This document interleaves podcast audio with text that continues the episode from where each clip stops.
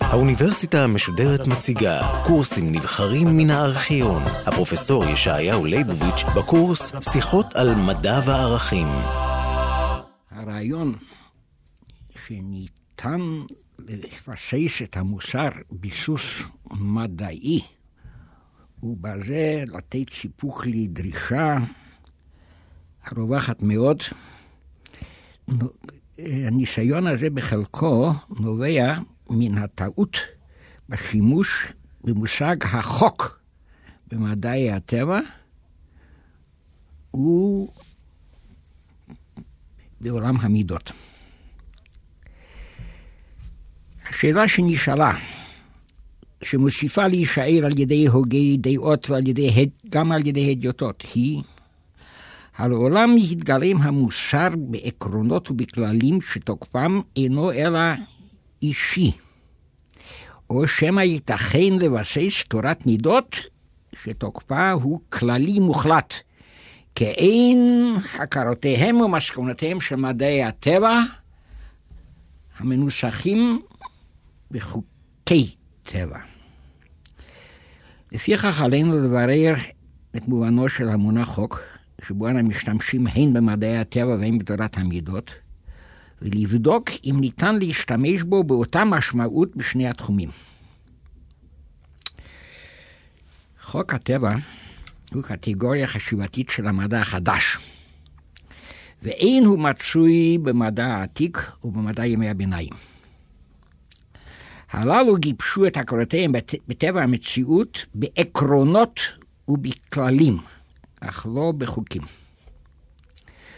אולם בהכרתו ובהרגשתו של האדם המודרני, ובייחוד בין ההדיוטות מבחינת מדעי הטבע, נעשה חוק הטבע דבר יסודי וראשוני, נתון המציאות שאין להרהר אחריו. משום שהוא לבדו הוא נקודת המוצא הבטוחה והוודאית לכל הרהור ולכל שיקול שיש בו ממש. ואילו הוודאות והאמיתות של כל דבר נערכת במידת הסמכתו לחוקי הטבע.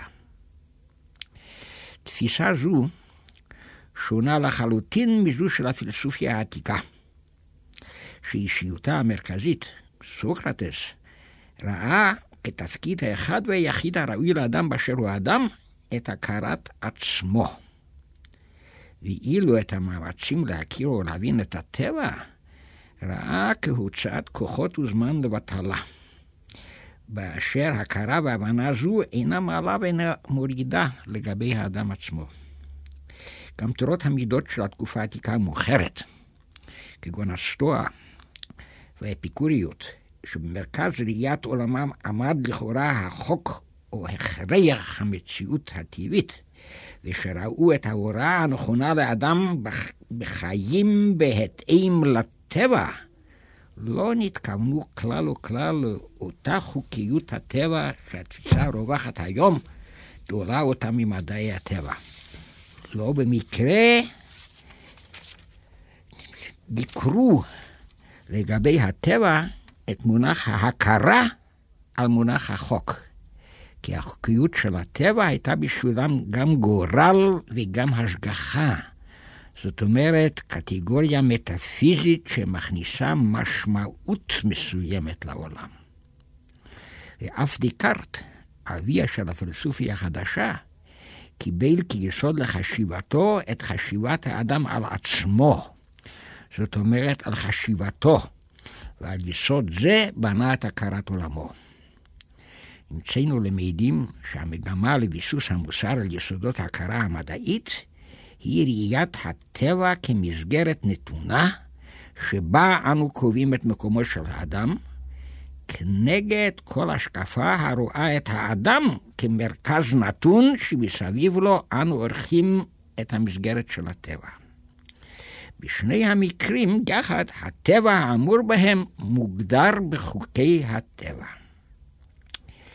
אולם לאמיתו של דבר, חוקי הטבע אינם מושג פשוט וחד משמעותי כלל.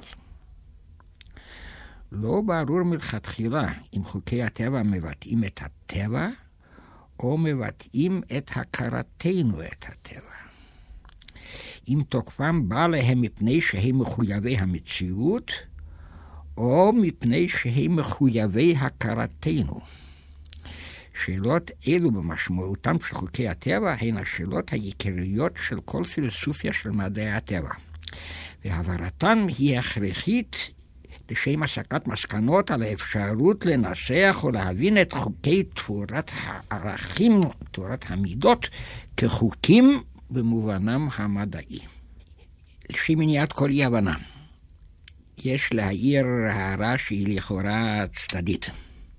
הפילוסופיה של מדעי הטבע, שעליה אנו מדברים כאן, אינה פילוסופיה המושתתת על מדעי הטבע ומאומתת על ידי המדע, במובנו של המונח הרווח והפולרי השקפת עולם מדעית.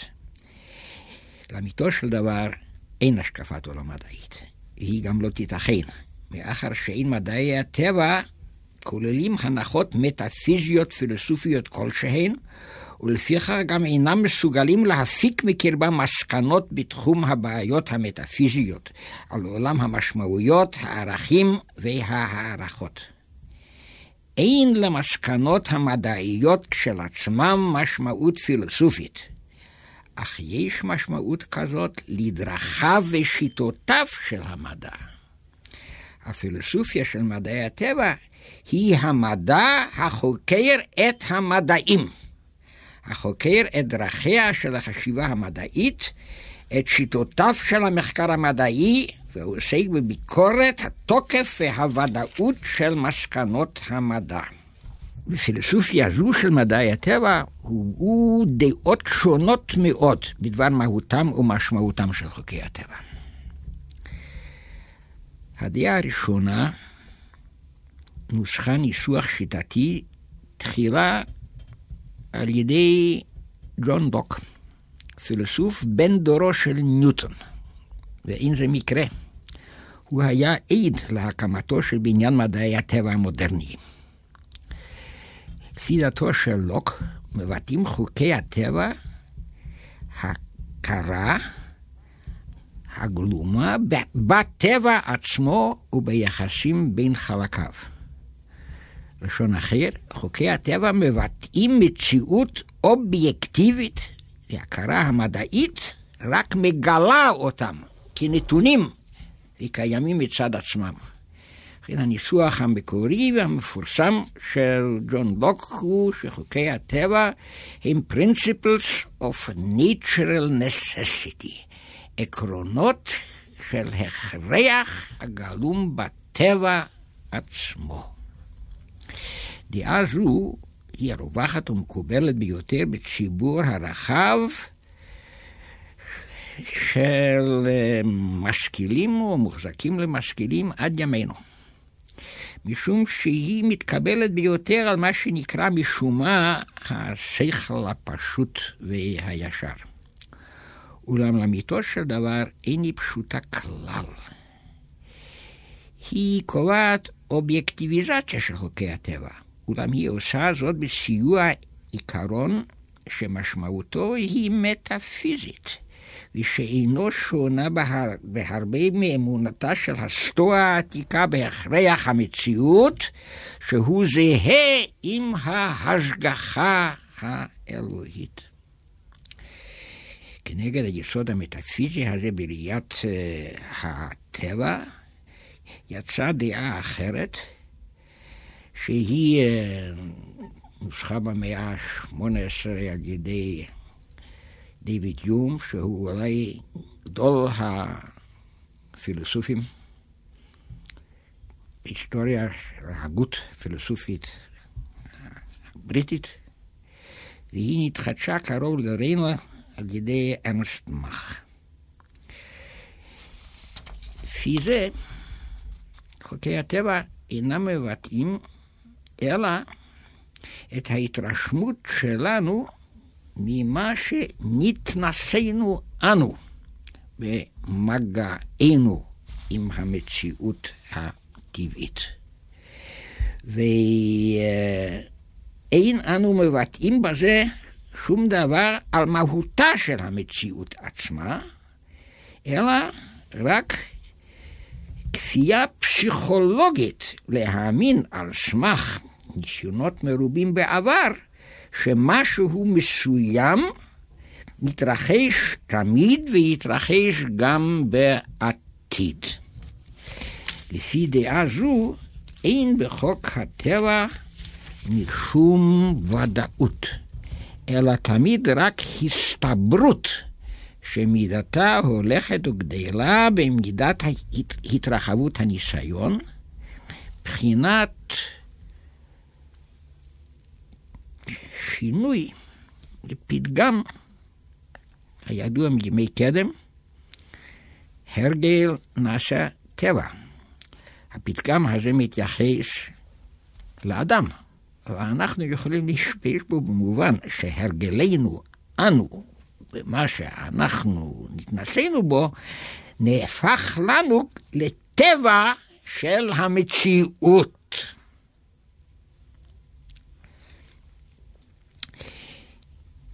קאנט, דור לאחרי יום, ניסה להציל בידי איום את הוודאות ואת התוקף הכללי והמוחלט של חוקי הטבע, והעמידו אותם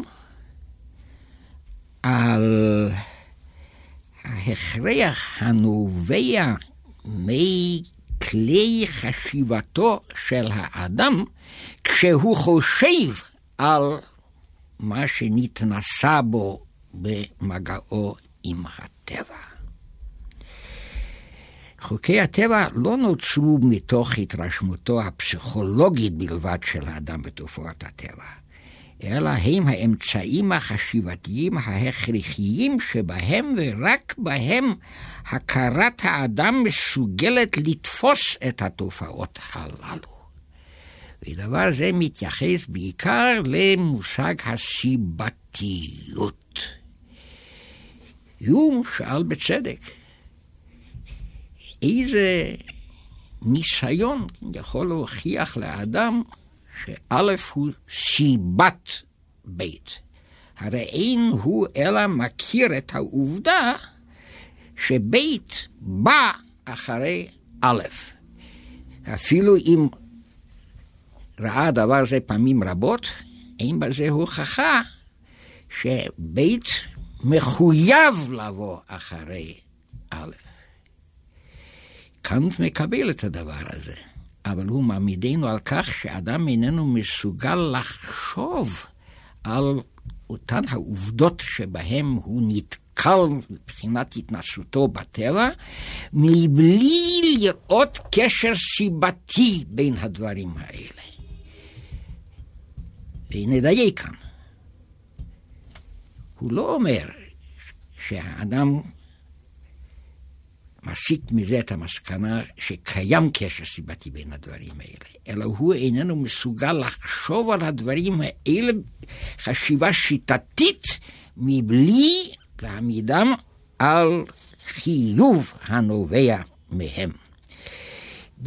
אה, נמצא שאף על פי שהאדם הוא היוצר כביכול את חוקי הטבע, חוקים אלה שרירים וקיימים וודאיים ביחס לכל התופעות שאדם צופה בטבע, כל זמן שהאדם חושב עליהם בכלי חשיבתו האנושית. יש תפיסות uh, מודרניות שונות למושג חוקי הטבע. נזכיר מהם רק אחת, שהיא מעניינת מאוד, ואולי ממנה ניתן להשליך השלכות על השימוש במונח חוק בתחום המוסר. לפי תפיסה זו, היחס בין המציאות ובין אותם חוקי הטבע שאנחנו מנסים לגבי המציאות, אינם אלא כללי התנהגות לחוקר לשם קביעת דרכו הוא במציאות. חוקי הטבע הם כללים ועקרונות שעל פיהם אני, אני מצליח בטיפולי בטבע ובחלקים של הטבע להפיק מהם מסקנות ולהשיג הישגים. משמעותם היא שימושית, ואימותם הוא ביעילותם. כל זמן שעל סמך חוקי הטבע שאני ניסחתי, אני מצליח לפעול במסגרת הטבע, החוקים האלה שרירים וקיימים בשבילי. כן, יחס חוקי הטבע לטבע עצמו הוא כיחסה של מפה גיאוגרפית לשטח הממופה. ונראה, הנה לפניי מפה, מפה גיאוגרפית. ואני אומר שהיא מייצגת אזור גיאוגרפי מסוים. אבל היא איננה מייצגת אותם כלל. על המפה הזאת אני רואה נקודה שחורה או כתם שחור, ואני אומר, זאת היא העיר תל אביב. אין הנקודה השחורה הזו דומה לעיר תל אביב משום צד ומשום בחינה. במקום אחר על אותה מפה אני רואה כתם שחור, הוא אומר זו העיר חיפה. שוב, הכתם השחור הזה אינו דומה משום צד ומשום בחינה לעיר חיפה. ובין שתי הכתמים השחורים האלה על המפה מתוח איזשהו קו. אני אומר, זהו הכביש מתל אביב לחיפה. אין שום דמיון בין הקו הזה ובין הכביש הזה כפי שאנחנו רואים אותו בעינינו. אבל על סמך המפה הזאת אני אומר שאם אצא מתל אביב ואסע בכביש הזה, אגיע לחיפה. ואם אני פועל לפי הדבר הזה, אני באמת מגיע לחיפה.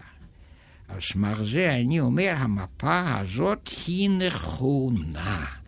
אף על פי שלאמיתות של דבר היא אינה מציגה כלל את האזור הזה.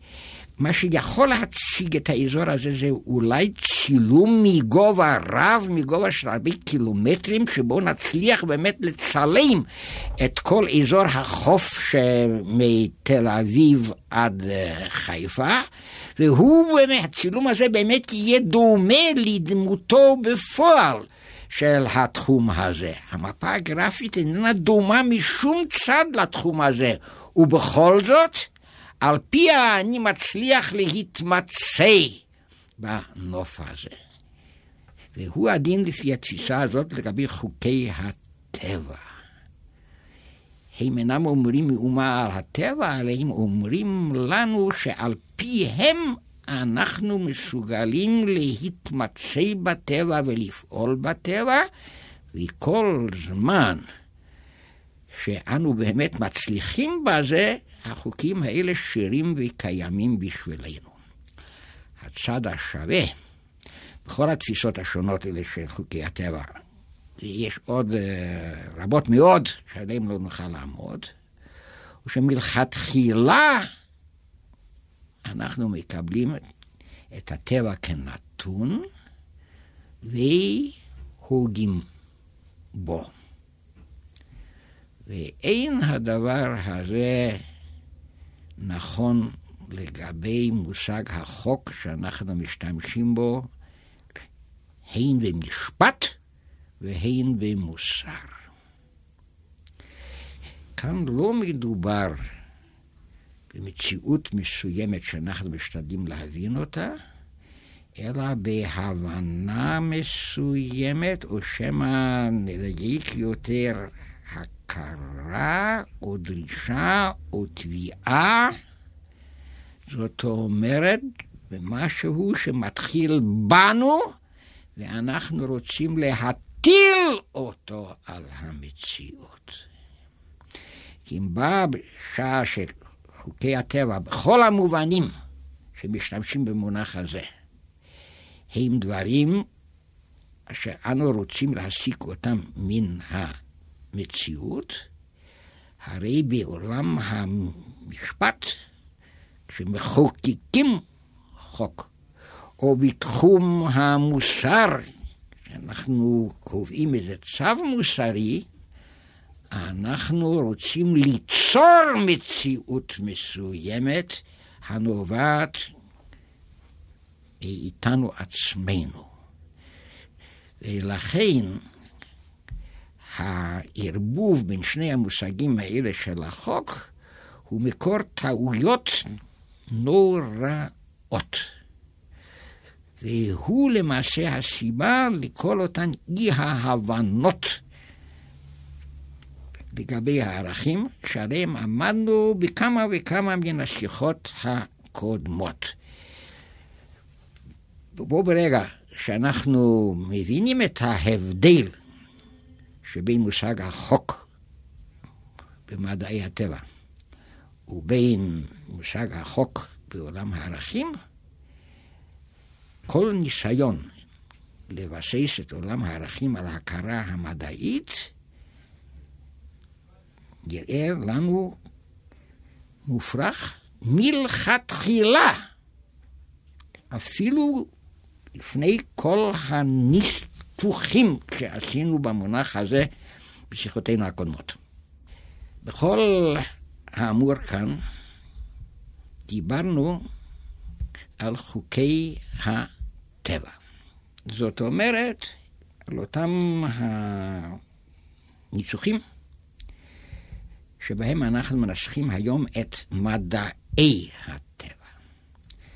אבל מושג המדע, אפילו אם לא נקבל את אותו המושג הכוללנית של התקופה העתיקה, שבו המונח הזה כולל למעשה את אה, כל ההכרות הרציונליות של האדם, גם היום הוא כולל יותר מאשר את מדעי הטבע. הרי למשל אצלנו נהוג לדבר על מדעי הרוח. מונח אשר מקורו בפילוסופיה הגרמנית של המאה ה-19, שהבחינה בין נטורוויסנשפטן, מדע הטבע, ומדעי הרוח. הנה מושג הרוח הוא עצמו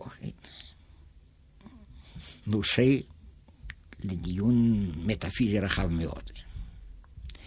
ולכן אולי יש להעדיף ניסוחים אחרים המקובלים.